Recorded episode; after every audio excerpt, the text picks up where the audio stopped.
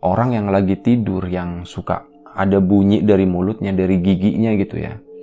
Itu bunyinya tuh kayak gitu, kreket, kreket, kreket, kreket kayak gitu. Nah, si Dela kan nyariin gitu kan, siapa yang tidurnya bunyi kayak gitu ngeganggu banget. Nah, akhirnya dia kan perhatiin itu teman-temannya tiga orang.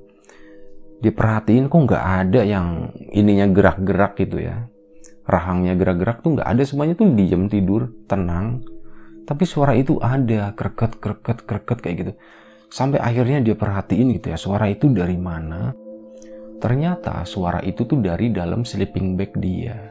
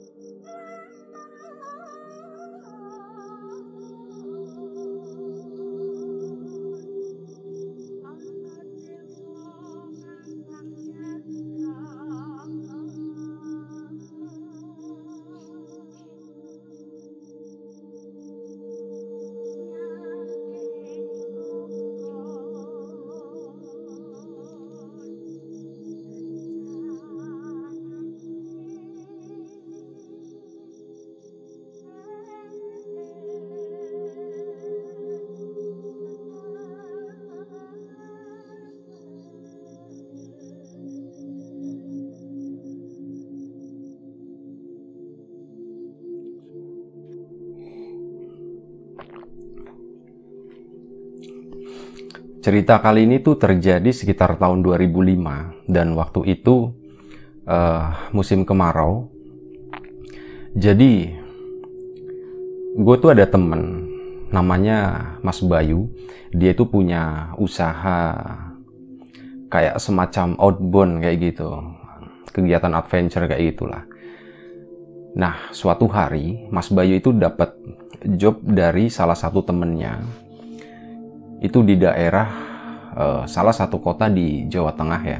Lagi-lagi daerah Wonogiri dan setelah disepakati akhirnya uh, sekitar 12 orang itu berangkat dari Bandung ke Wonogiri. Nah kebetulan waktu itu gue lagi berada di uh, Surakarta, sorry Kartosuro, lagi di Kartosuro situ daerah UMS akhirnya ya kita kontak-kontakan dan ketemuan di situ dan gue dibawa ke Wonogiri ikut sekalian. Cuman waktu itu memang gue bukan tim inti jadi cuman kayak bantuin doang ya. Karena memang dari awal briefnya juga gue nggak ikut. Tapi ya udahlah iseng-iseng bantuin kayak gitu kan. Akhirnya gue pun ikut ke Wonogiri sana. Singkat cerita ketemulah kita Mas Ag eh, siapa Mas Bayu dan kawan-kawan dengan Mas Anton ya di daerah Wonogiri situ dan langsung diantar ke spot yang dituju. Jadi spotnya itu memang agak sedikit apa ya boleh dibilang kayak sedikit aneh. Anehnya tuh kenapa? Karena itu masuk ke dalam kampung gitu ya. Masuk ke dalam kampung jalannya tuh agak nanjak sedikit. Jadi gini, dari Kartosuro ke spot itu, gue banyak bercanda sama anak-anak ya, satu mobil gitu.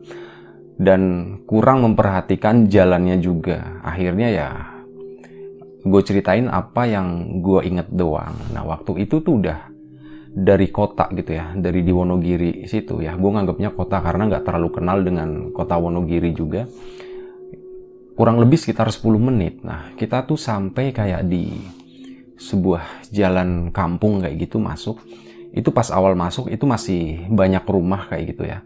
Sampai mungkin kurang lebih sekitar 300 atau 400 meter masuk ke dalam itu kayak rumahnya tuh udah makin jarang kayak gitu dan itu tuh bener-bener hutan, bener-bener kebun kayak gitu. Nah, sampailah kita di uh, halaman salah satu rumah warga, halamannya luas. Nah, kita itu parkir di situ semua, termasuk truk yang bawa peralatan. Langsung kita bongkar dan kita langsung bawa menuju ke lokasi Nah waktu itu memang benar-benar belum diadain kayak survei segala macem. Jadi cuman kayak dapat gambaran awal doang itu dari Mas Anton. Jadi lokasinya tuh seperti ini, seperti ini, seperti ini. Mas Anton bilang uh, kita juga bawa peralatan buat flying fox kayak gitu ya. Uh, nah di situ ada spot bagus itu buat pasang flying fox katanya. Itu kayak semacam sungai sungai besar gitu ya, tapi kering. Jadi kayak sungai di daerah hulu, di mana di situ tuh banyak batu-batu gede kayak gitu. Cuman ya airnya tuh cuman dikit banget. Dan kita itu bisa nyebrang lewat bawah ke situ, ke seberang sana ya. Nah, rencananya Flying Fox itu akan dipasang di sana. Ya cuman brief-brief kayak gitu doang. Dan sesampainya kita di sana, kita angkut barang. Udah taruh di tempat gitu ya. Waktu itu kita sampai sana tuh kurang lebih sekitar jam 10 pagi. Jadi ya hari masih terang kayak gitulah, masih ada waktu gitu kan. Nah, begitu kita sampai di spot itu, itu kita benar-benar boleh dibilang tuh kita nggak melakukan survei. Itu sebenarnya salah satu kesalahan sih. Kita mau mengadakan satu acara, kita mau memasang alat di sana, tapi tanpa survei gitu, tanpa survei terlebih dahulu cuman berdasarkan informasi dari Mas Anton. Tapi sepintas kita sekali lihat, ya itu sebenarnya nggak ada masalah sama sekali. Memang ada banyak nanti tali-tali kayak dibikin jembatan-jembatan tali kayak gitu. Itu memang ada beberapa pohon yang bisa dimanfaatkan di sana dan itu udah kayak cocok gitu ya. Jadi nggak ada masalah sama itu tadi. Lokasi yang buat flying fox pun itu nggak ada masalah. Nah, Masalahnya itu bukan di itunya, tapi ternyata tempat itu adalah tempat yang boleh dibilang kayak tempat yang wingit atau tempat yang angker. Setelah kita sampai di situ hari itu, ya kita cuman sekedar lihat-lihat jadi lebih kayak ke oh ini nanti masangnya di sini, ini masangnya di sini, ini masangnya di sini. Sama ada beberapa brief singkat dari beberapa warga ya. Kita juga ngelibatin warga untuk ngebantuin di situ. Dan memang di awal gitu ya, itu ada sesuatu yang nggak enak yang disampaikan sama uh, beberapa warga itu. Jadi mereka bilang memang, Mas, di sini hati-hati gitu. Memang lokasinya tuh emang enak, tapi terkenalnya tuh angker gitu penghuninya tuh suka iseng katanya kayak gitu. Jadi dari awal itu memang udah dikasih tahu yang kayak gitu. Wah ini jadi menarik nih kayak gini kan. Udah akhirnya hari itu juga itu kita pertama itu kita pasang flying fox. Kebetulan ya anak-anak masih seger gitu kan masih banyak tenaga. Kita harus tarik tali dari ujung sana sampai ujung sini gitu ya harus nyebrangin kali gitu kan. Nah beberapa orang itu termasuk gue juga ngikut bantuin uh, menuju ke lokasi yang tinggi. Satu titik uh, di mana tali itu akan dipasang. Saat kita lagi masang gitu ya kita tuh pakai katrol tapi katrol manual kayak gitu. Nah waktu itu yang di atas itu nggak pakai katrol jadi cuman kayak di apa ya kayak buat baut gitu doang pas kita lagi ngencengin baut jadi itu tuh kayak dipasangnya di pohon ya. Tapi kita se minimal mungkin itu uh, kita usahakan untuk nggak ada goresan sama sekali di pohon gitu. Nah pas kita lagi masangin baut-baut itu kunci-kunci itu itu ada batu kerikil batu kecil lah sebesar kelereng mungkin ya. Itu beberapa biji tuh kayak dilemparin dari atas letak gitu. Nengok dong ada salah satu teman namanya Joko. Dia nengok wah kayak ada yang lempar gitu kan. Iya gue juga memang iya ada yang lemparin gitu. Ah mungkin orang iseng kali gitu kan. Jadi di tempat kita masang yang titik uh, kawat yang di atas itu itu kurang lebih sekitar 4 meter di belakang kita. Itu tuh udah kayak gundukan tanah kurang lebih ya tingginya sekitar 4 sampai 5 meter. Dan asal kerikil itu itu tuh dari atas gitu. Seolah-olah itu ada yang lempar dari atas ke bawah. Ngelemparin kita. Nah, pas dilempar, detak itu nggak cuma sekali tapi itu berulang-ulang.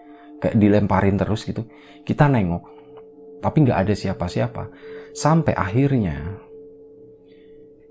si Joko itu dia yang ngelihat memang udah dia tungguin gitu ya. Ternyata bener ada yang lempar nah pas dia nengok. Dia itu ngelihat ada dua bocah kecil yang kalau dilihat sepintas itu kayak kakak adik. Dua-duanya itu perempuan semua. Yang satu yang adiknya yang kecil itu rambutnya digerai uh, sepanjang dada gitu sedada. Kalau kakaknya itu kayak rambutnya itu kayak digelung ke belakang. Kayak diikat ke belakang gitu ya uh, dan mereka berdua itu yang anehnya mereka itu semuanya pakai kemben kemben dari kain jarik kayak gitu warnanya coklat.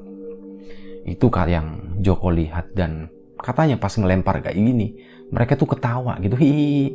Kayak ngeledek gitu kayak mereka puas. Ya mereka tuh kayak bener-bener anak kecil yang lagi mainan gitu kayaknya seneng banget mereka itu ngelemparin kita. Itu yang pertama dan setelah uh, sama si Joko diginiin kan sini dek sini dek gitu.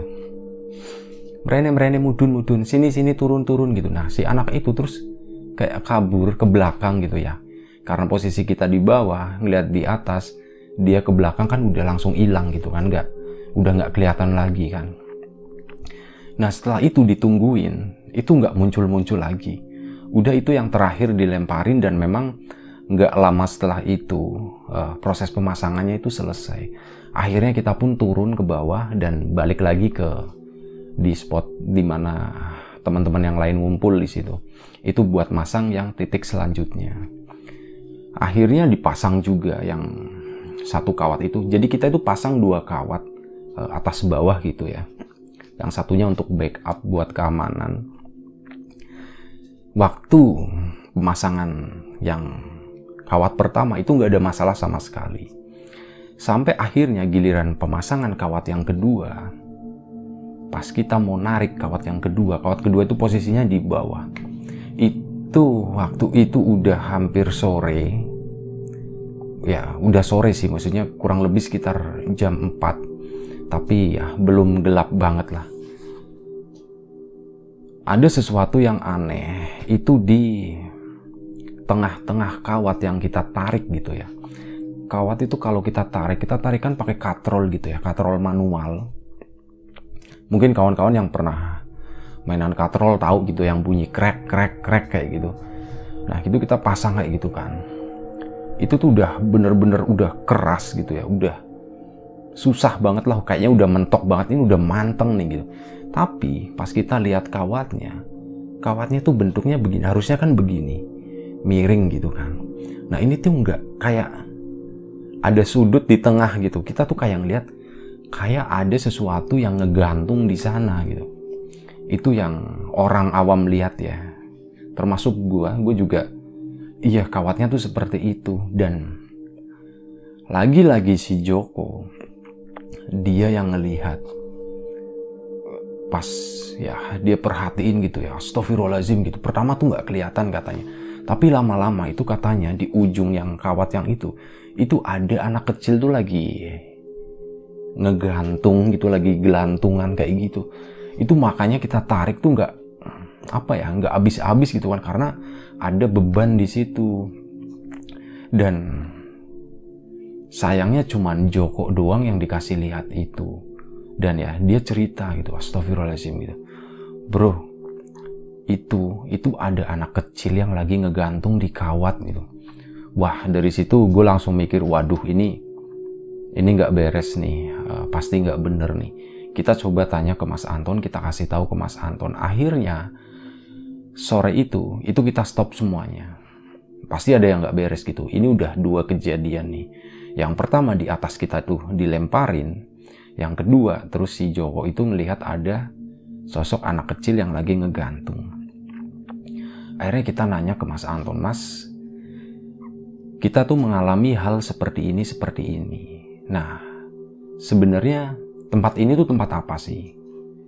Terus apa ya udah di apa namanya udah dikonsultasikan dengan warga setempat atau yaitu tadi dari sisi keamanan keamanan nggak cuman fisik ya tapi yang non fisik juga dari sisi mistisnya. Kenapa? Karena ini tuh kebun gitu. Ini kebun warga. Cuman memang boleh dibilang uh, lumayan terurus. Ada satu spot itu yang bersih luas dan bersih gitu. Nah tapi perlu ditanyain juga gitu sama yang ya yang punya sama yang punya sih udah ya udah kasih izin karena kita bayar. Dan itu uh, dikonsultasikan ke warga setempat atau mereka yang tahu gitu silsilah dari tempat itu tuh seperti apa. Nah kata Mas Anton tuh belum gitu, waduh gitu kan, repot nih. Akhirnya ya udah, semuanya kita tunda sore itu. Beberapa tim yang lagi masang tali temali gitu dari pohon satu ke pohon yang lain, akhirnya semuanya di stop gitu. Udah alatnya kita kumpulin di tengah kita langsung buka tenda di situ. Memang rencananya kita tuh mau tidurnya tuh di lapangan itu, bukan di rumah penduduk karena rumah penduduk terdekat itu ya lumayan jauh, jaraknya sekitar 50 meter dan memang kita itu boleh dibilang sebenarnya memang sekalian mau ya having fun gitu ya. Kita balik lagi ke alam, kita benar-benar main di alam. Akhirnya udah kita buka tenda di sana. Kita buka ada empat tenda khusus buat yang tim kita aja ya. Kalau yang penduduk lokal itu mereka balik ke rumahnya masing-masing. Sorry. Nah udah. Setelah tenda dibuka, ini malam harinya. Waktu itu Mas Anton tuh lagi pulang, dia lagi yaitu nyari orangnya gitu ya buat konsultasi mengenai hal-hal yang tadi ya, yang tadi dialami sama kita. Dan kita itu buka tenda, kurang lebih sekitar jam 7, jam 8, itu Mas Anton pulang, datang ke tempat kita. Nah, kita tuh bikin api unggun di tengahnya di situ. Sorenya itu nggak ada apa-apa, semuanya tuh baik-baik aja, nggak ada gangguan sama sekali. Nah, gangguan pertama itu, malam itu, itu terjadi sekitar jam 11 malam. Waktu itu kita benar-benar udah ya siap mau tidur. Udah pada masuk tenda, tapi Mas Bayu sama beberapa ya kawan-kawan yang lain ya di situ itu tuh masih di luar tenda, masih di depan api unggun. Gilirannya itu tadi jam 11, tinggal sisa dua orang Mas Bayu sama ada salah satu teman lagi. Nah, kita posisinya udah di dalam tenda semua. Waktu itu tuh masih zamannya bebek ya.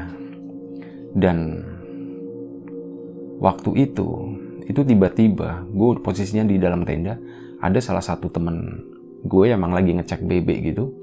Di situ tuh bunyi cenderung gitu. Nah, di situ tuh ada message dari Mas Bayu. Uh, itu tulisannya yang pegang HT, tolong dong HT-nya dihidupin gitu akhirnya pada ngidupin kan. Termasuk temen gue yang megang HT itu dihidupin. Nah pas dihidupin itu kedenger suara gamelan. Ada suara gending kayak gitu. Gending Jawa ya. Itu suaranya ya lumayan jelas banget lah. Dan itu tuh asalnya dari HT-nya Mas Bayu. Mas Bayu yang masih di luar. Dan akhirnya setelah beberapa menit gitu ya itu HT dinyalain gitu kan. Akhirnya teman-teman tuh pada ngeh gitu ya di dalam tenda. Mereka semuanya diem semua gitu. Termasuk gue juga jujur aja waktu itu ya agak takut juga gitu karena belum kenal daerah situ. Malam-malam ada suara itu yang lumayan jelas gitu. Akhirnya Mas Bayu tuh ngupdate lagi gitu ya. Dia tuh message lagi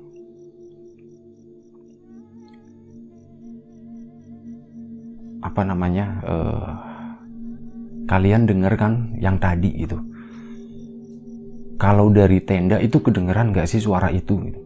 Mas Bayu tuh nanya kayak gitu terus ada yang ngejawab enggak mas dari tenda tuh kita nggak denger gitu. Nah padahal posisinya Mas Bayu itu deket sama tenda-tenda yang lain. Cuman orang-orang yang di dalam tenda itu itu nggak ada satupun yang ngedenger. Jadi cuman Mas Bayu sama temennya akhirnya itu tadi mereka tuh ngasih tahu via HT dan ya setelah beberapa menit akhirnya HT-nya pun dimatiin udah kita istirahat aja kata Mas Bayu itu kayak gitu. Diinstruksi, diinstruksikan itu seperti itu udah kita istirahat masing-masing masuk ke tenda kalau ada apa-apa saling berkabar aja katanya. Udah akhirnya pada masuk ke tenda ya bukannya tidur tapi malah di tenda ya kita pada ngobrol-ngobrol kayak gitu ya kita agak-agak takut juga agak-agak ya penasaran sebenarnya apa sih yang terjadi sebenarnya apa sih tempat ini sebenarnya. Sampai akhirnya beberapa dari kita itu udah tidur. Jadi kita ada empat tenda sorry nggak gue jelasin. Salah satunya itu adalah tenda cewek. Nah 12 orang itu itu ada empat cewek. Yang delapan itu cowok yang empat itu cewek. Mereka satu tenda sendiri di tengah-tengah kita lagi udah siap-siap mau tidur kayaknya udah tengah malam lewat lah sekitar jam satuan. Tiba-tiba itu ada salah satu temen cewek kita itu yang teriak-teriak dari dalam tenda gitu. Wah wah ngejerit ya ngejerit bener-bener histeris dan itu tuh bikin yang bikin kita kaget yang ngedenger kayak gitu panik juga kan. Wah kenapa kenapa? Akhirnya pada keluar semua menuju tenda si cewek kita tanyain gitu kan. Apa sih yang kenapa kenapa ada apa gitu. Apa yang terjadi ditanyain. Akhirnya setelah si anak tadi tenang itu namanya Dela ya. Si Dela tenang, dia pun cerita, katanya dia itu lagi posisinya itu udah mau tidur, pakai selimut kayak gitu, pakai sleeping bag. Nah, pakai sleeping bag, pas dia lagi mau tidur, dia itu ngedenger ada suara kreket, kreket, kreket kayak gitu. Itu kayak mungkin kawan-kawan tahu ya. Orang yang lagi tidur yang suka ada bunyi dari mulutnya, dari giginya gitu ya itu bunyinya tuh kayak gitu kreket kreket kreket kreket kayak gitu nah si Dela kan nyariin gitu kan siapa yang tidurnya bunyi kayak gitu ngeganggu banget nah akhirnya dia kan perhatiin itu teman-temannya tiga orang diperhatiin kok nggak ada yang ininya gerak-gerak gitu ya rahangnya gerak-gerak tuh nggak ada semuanya tuh diam tidur tenang tapi suara itu ada kreket kreket kreket kayak gitu Sampai akhirnya dia perhatiin gitu ya, suara itu dari mana. Ternyata suara itu tuh dari dalam sleeping bag dia. Dan waktu Dela ngebuka sleeping bagnya kayak gini, itu di dalamnya dia tuh melihat ada sosok anak kecil. Itu posisinya lagi ngeliatin si Dela gitu ya. Posisi anak itu tuh di perut dia. Dela tuh posisinya miring. Nah si anak itu tuh posisinya tengkurap ngeliatin ke Dela gitu sambil mulutnya tuh gerak-gerak gitu ngeluarin bunyi kerket kerket kerket itu tadi Dela langsung teriak gitu kan. Ya udah akhirnya malam itu tuh rame banget. Itu yang dialami Dela malam itu. Dan itu tuh nggak berakhir. Masih ada kejadian lagi setelah beberapa jam udah agak tenang. Uh, yang tenda cewek si Dela termasuk itu balik lagi tidur. Tapi di depan tenda itu ada beberapa temen cowok yang jaga gitu di situ uh, dua atau tiga orang. Memang mereka nggak masuk tenda ya cuman di luarnya di depannya persis gitu. Intinya biar si anak-anak cewek itu nggak pada ketakutan.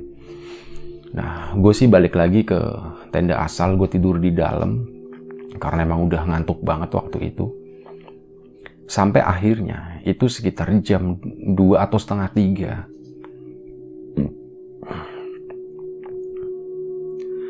Itu anak-anak yang tidur di depan tenda cewek itu mereka semuanya udah tidur. Udah tidur semua udah terlelap semua.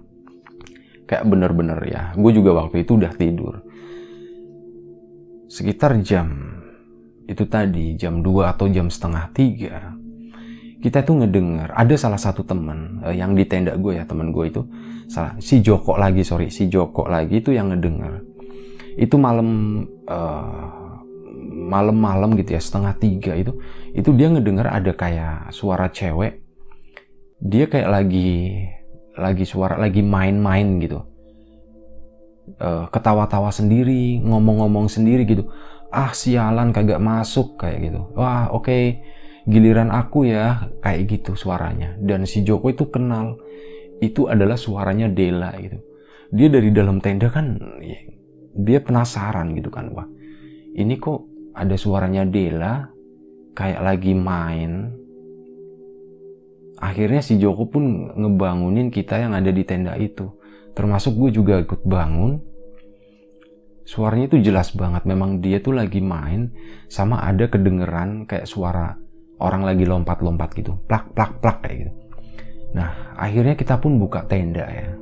Kita intip bener aja si Dela itu lagi main engklek sendirian. Itu di luar tenda. Uh, gue merinding semua. Dia lagi main engklek sendirian. Itu di deket api unggun. Sementara apinya tuh masih nyala tapi dikit gitu ya. Jadi agak terang sedikit. Dan ya ngelihat kayak gitu pasti kita mikirnya wah ini nggak bener nih. Ini kejadian kayak gini tuh nggak bener nih si Dela pasti kerasukan. Tapi kita tuh waktu itu tuh sempat ngobrol dulu ya.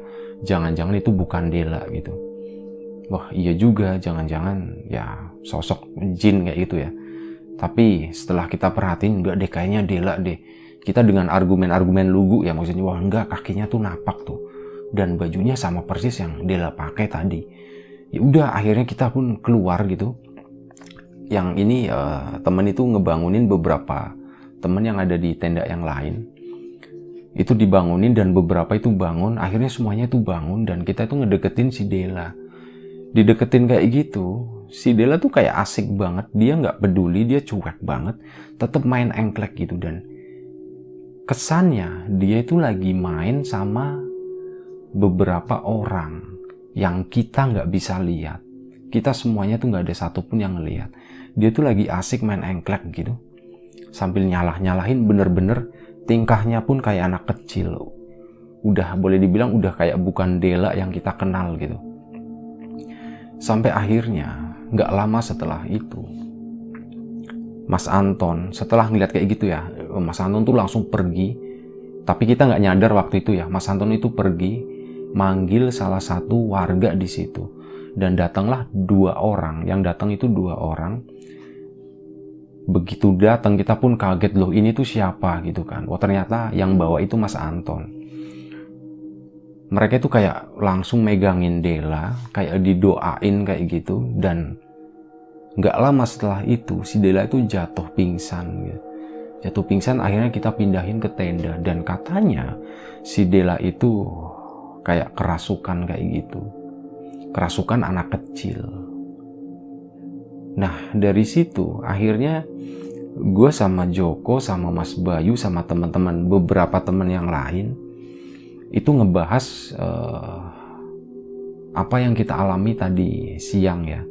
Yang anak kecil di atas kakak adik itu dia iseng banget lemparin kita sama ada sosok yang ngegantung dan sosok anak kecil yang ngegangguin Dela dengan suara kerket kerket kerket itu tadi sama yang ini. Wah ini berarti kayaknya gangguannya tuh makin parah. Dan akhirnya kita pun meminta tolong sama si orang pinter tadi. Uh, bukan sebenarnya tuh uh, beliau itu adalah warga situ sih yang ya boleh dibilang enggak bukan orang pinter gitu. Cuman dia sedikit tahu itu tentang lokasi itu dan sedikit tahu tentang bagaimana menyembuhkan ya orang-orang yang terkena seperti itu. Ya boleh dibilang orang pinter lah kayak gitu. Uh, akhirnya itu tadi kita pun meminta tolong pak uh, sebenarnya apa sih yang terjadi gitu? Sebenarnya tempat ini tuh apa sih pak akhirnya si bapak itu pun menjelaskan. Dia bertanya memangnya mas ini tuh nggak ini nggak survei dulu gitu lokasinya tuh seperti apa? Ada apa di tempat ini ada apa di kebun ini? Katanya. Wah memang pak. Kita memang belum sempet uh, survei. Waktu itu Mas Anton memang sempat survei tapi surveinya nggak detail ya cuman ngelihat lokasinya wah kayaknya cocok kayaknya indah banget akhirnya diambil nah kata si bapak yang itu tadi dia bilang ya udah ini insya Allah sampai pagi insya Allah aman nggak ada apa-apa lagi. Nanti kalau bisa besok pagi coba kalian survei. Bener-bener disurvei lokasi ini terus apa yang kalian temukan di sana? Udah malam itu si bapak itu pun pulang. Kita pun balik lagi istirahat. Yang sebenarnya nggak pada tidur ya semuanya begadang gara-gara banyak kejadian seperti itu kita pun akhirnya jadi takut gitu kan. Kita begadang sampai pagi bener-bener kayak tidur itu selepas subuh. Selepas subuh itu kita baru pada tidur dan itu cuma sebentar doang. Sekitar jam 8 kita udah harus siap-siap semuanya dan jam 9 pagi itu kita mulai itu tadi sebagian ngelanjutin pekerjaan sebagian itu survei bener-bener gue tuh masuk kayak ke semak-semak kayak gitu ya di apa namanya di sisir semuanya dan kaget banget. Ada salah satu teman kita itu menemukan di sana itu ada makam ternyata. Ada dua makam tua yang masih pakai batu-batu kayak gitu, tapi nisannya itu udah nggak ada, jadi cuman kayak kotakan gitu. Si apa namanya ditumpuk-tumpuk pakai batu kayak gitu. Dan itu tuh lokasinya tuh bener-bener ketutup sama semak-semak. Nggak kelihatan. Setelah kita menemukan itu kita langsung ngumpul kita langsung balik. Ngumpul kita menuju uh, rumahnya si beberapa perwakilan itu menuju rumahnya si bapak yang orang pinter tadi yang warga situ yang rumahnya nggak terlalu jauh dari situ nah diceritain pak kita itu menemukan ini, kuburan ini gitu. Ya, si bapak pun udah nggak heran. Memang betul. Jadi lokasi ini itu di sebelah sana memang ada kuburan dan warga sini terus terang aja ya mas gitu. Dia bilang kayak gitu. Memang ya pada takut gitu karena tempat ini tuh terkenalnya memang wingit.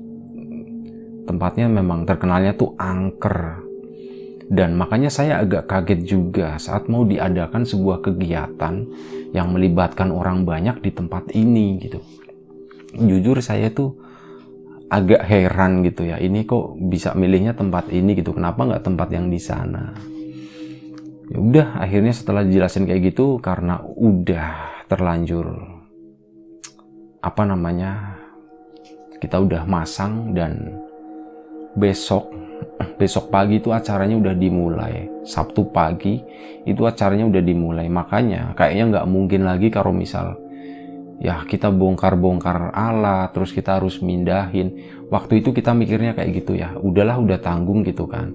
Kita cuma minta tolong sama bapak pak tolong dibantuin dong dijagain gitu supaya nggak terjadi apa-apa. Dan ya si bapak ya insya Allah saya uh, bantuin tapi nanti saya manggil uh, ada beberapa temen dulu gitu biar nggak sendirian katanya. Ya udah akhirnya si bapak itu pun ada beberapa teman dan keesokan harinya malam harinya malam harinya setelah itu ya itu tuh alhamdulillah semuanya aman nggak ada apa-apa. Cuman hanya ada satu kejadian aja. Jam 11 malam atau jam setengah 12 itu tuh ada sesuatu yang aneh. Jadi nggak ada angin, nggak ada apa, tapi semua pohon yang ada di situ tuh goyang-goyang. Kita tuh dengar dari dalam tenda gitu ya. Waktu itu udah masuk sih jam 11 malam kita udah pada masuk dalam tenda semua. Nah itu tuh kita ngedengar ada suara serak, serak, serak sama bunyi batang pohon yang bener-bener kayak gerak-gerak kayak gitu. Akhirnya kita pun coba ngintip gitu kan keluar ternyata bener ya Allah. Masya Allah gitu. Itu pohon tuh bener-bener kayak ada badai kayak gitu. Kayak ada angin tapi nggak ada angin sama sekali. Ya ngelihat kayak gitu akhirnya udah udah masuk tenda aja masuk tenda. Kita berdoa aja deh Bismillah gitu. Semoga kita semua dilindungi. Dan alhamdulillah kejadian malam itu tuh cuman itu doang. Kita pun akhirnya ketiduran karena saking capeknya ya. Kemarin kurang tidur dan besok paginya acara pun mulai. Peserta kurang lebih ada sekitar 40 kakak, 40 keluarga ya. Ini karena uh, dari sebuah instansi dan ini kayak family gathering kayak gitu. Jadi ada kurang lebih sekitar 40 keluarga itu yang ikut di mana di situ tuh banyak banget anak kecil ya biasanya mereka tuh ada yang bawa cuma satu anak ada yang bawa dua kayak gitu. Ya udah kita tuh ngejalanin hari itu tuh cukup ya boleh dibilang cukup stres gitu ya. Kita tuh takut dengan itu tadi resiko. Wah jangan-jangan nanti ada gangguan. Akhirnya acara pun dimulai. Dan saat acara dimulai bener aja ada beberapa gangguan, tapi rata-rata yang diganggu itu anak-anak kecil.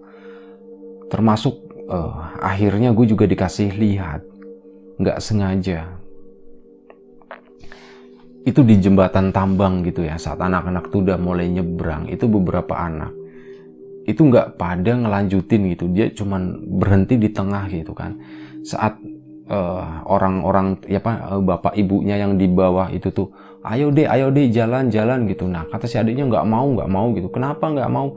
Itu ada orang nungguin gitu. Padahal di situ tuh nggak ada apa-apa. Dan kita yang di bawah itu ngelihat ada anak kecil gitu ya. Itu lagi ngegantung kayak gini. Anak yang pakai kemben kain jarik. Itu lagi berdiri di situ sambil ketawa-tawa. Hihihi.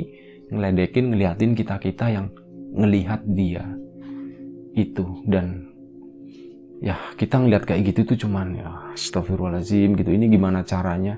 Kita pun baca doa sebisanya dan kita tuh minta tolong dong jangan gangguin ini gitu. Dan akhirnya memang beberapa saat beberapa detik setelah itu si sosok anak itu tuh hilang. Akhirnya si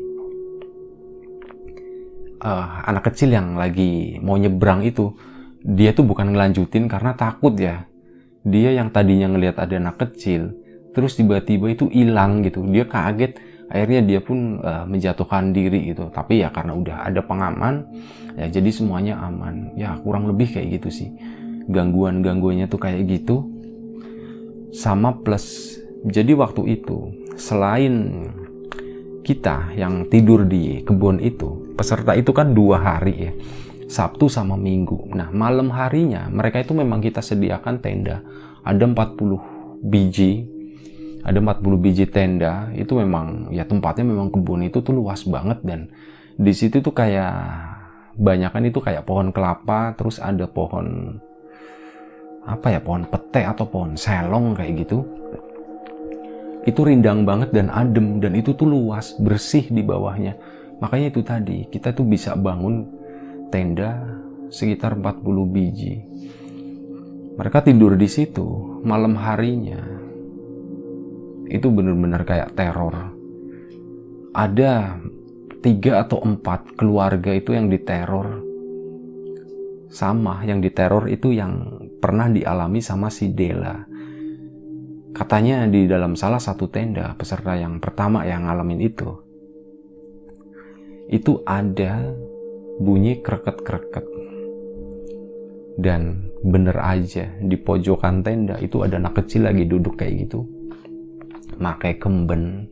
Dia tuh lagi kereket ininya tuh gerak gerak gitu. Ya udah akhirnya keluarga itu teriak-teriak gitu kan histeris. Akhirnya rame gitu semuanya pada keluar. Tapi waktu itu bisa kita redam gitu ya udah bu gini gini gini. Kita udah ada penjaganya intinya kayak gitulah. Udah yuk. Uh, kembali istirahat aja. Nah berapa jam kemudian itu ada satu keluarga lagi itu yang teriak-teriak lagi. Itu anaknya tuh katanya nyanyi-nyanyi sendiri di dalam tenda gitu. Anaknya cuma satu yang ikut dan dia tuh nyanyi-nyanyi sendiri di dalam tenda bapak sama ibunya kan khawatir gitu ngeliat wah ini anakku aneh banget gitu dia nyanyi-nyanyi sendiri akhirnya ketakutan gitu kan dia langsung keluar dan bapaknya keluar langsung menuju ke tenda kami gitu ya, tenda panitia. E, mas gini mas, anak saya tuh nyanyi-nyanyi sendiri kayak gini. Waduh, akhirnya ya kita dibantuin sama si bapak yang orang pintar itu tadi buat ke sana ditengokin. Alhamdulillahnya semuanya tuh beres. Sampai ada satu yang terakhir. Itu yang kerasukan itu adalah ibunya. jadi ibunya di dalam tenda itu tuh dia lompat-lompat kegirangan gitu kayak anak kecil gitu dia lompat-lompat kegirangan ya bapaknya sama anaknya ya shock ngeliat ibunya kayak gitu kan akhirnya teriak-teriak dan tepat kurang lebih sekitar jam satu malam akhirnya boleh dibilang acara itu tuh ya kacau sih karena akhirnya peserta itu pada ketakutan semuanya dan malam itu juga mereka itu minta pulang. Dan ya boleh dibilang acara itu tuh gagal ya. Peserta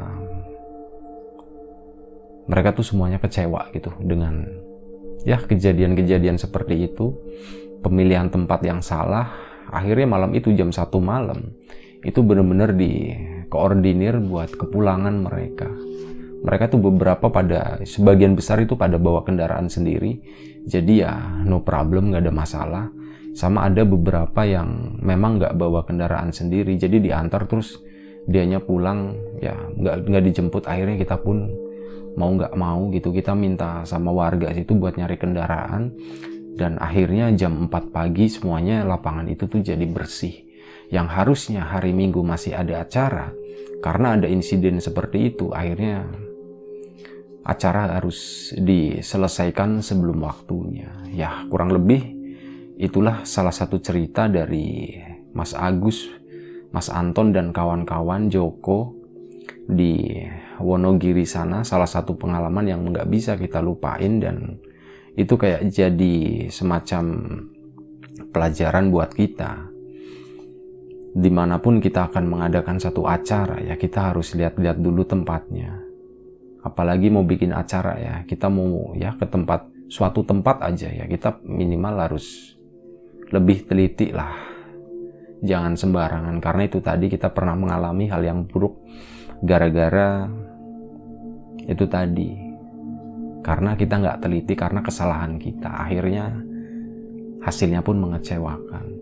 Ya kurang lebih seperti itu ceritanya. Terima kasih eh, banyak buat kawan-kawan yang udah mau nonton, udah mau dengerin cerita ini. Dan konon katanya, kata penduduk situ, dua sosok anak perempuan itu yang suka iseng di kebun itu, itu adalah jelmaan jin yang ya seolah-olah mewakili gitu, mewakili siapa yang dimakamkan di situ. Yaitu sosok jin yang iseng sih dan katanya memang lumayan kuat. Yang kayak gitu suka ngeganggu uh, warga situ juga. Kalau misal mereka ber ini lagi ada kegiatan di kebun itu. Ya kurang lebih seperti itu ceritanya. Mohon maaf kalau misal ada kekurangan di sana sini mohon maaf kalau misal ada salah satu uh, ada salah salah penyebutan nama penyebutan tempat dan eh, hal-hal yang lain mungkin ceritanya nggak terlalu serem terima kasih banyak bagi kawan-kawan yang udah ngasih support selama ini ke lapak horor. Jaga kesehatan kawan-kawan semuanya. Mohon maaf kalau misal balas komennya agak telat. Mohon maaf banget. Sekali lagi terima kasih. Jaga kesehatan kawan-kawan semuanya. Assalamualaikum warahmatullahi wabarakatuh.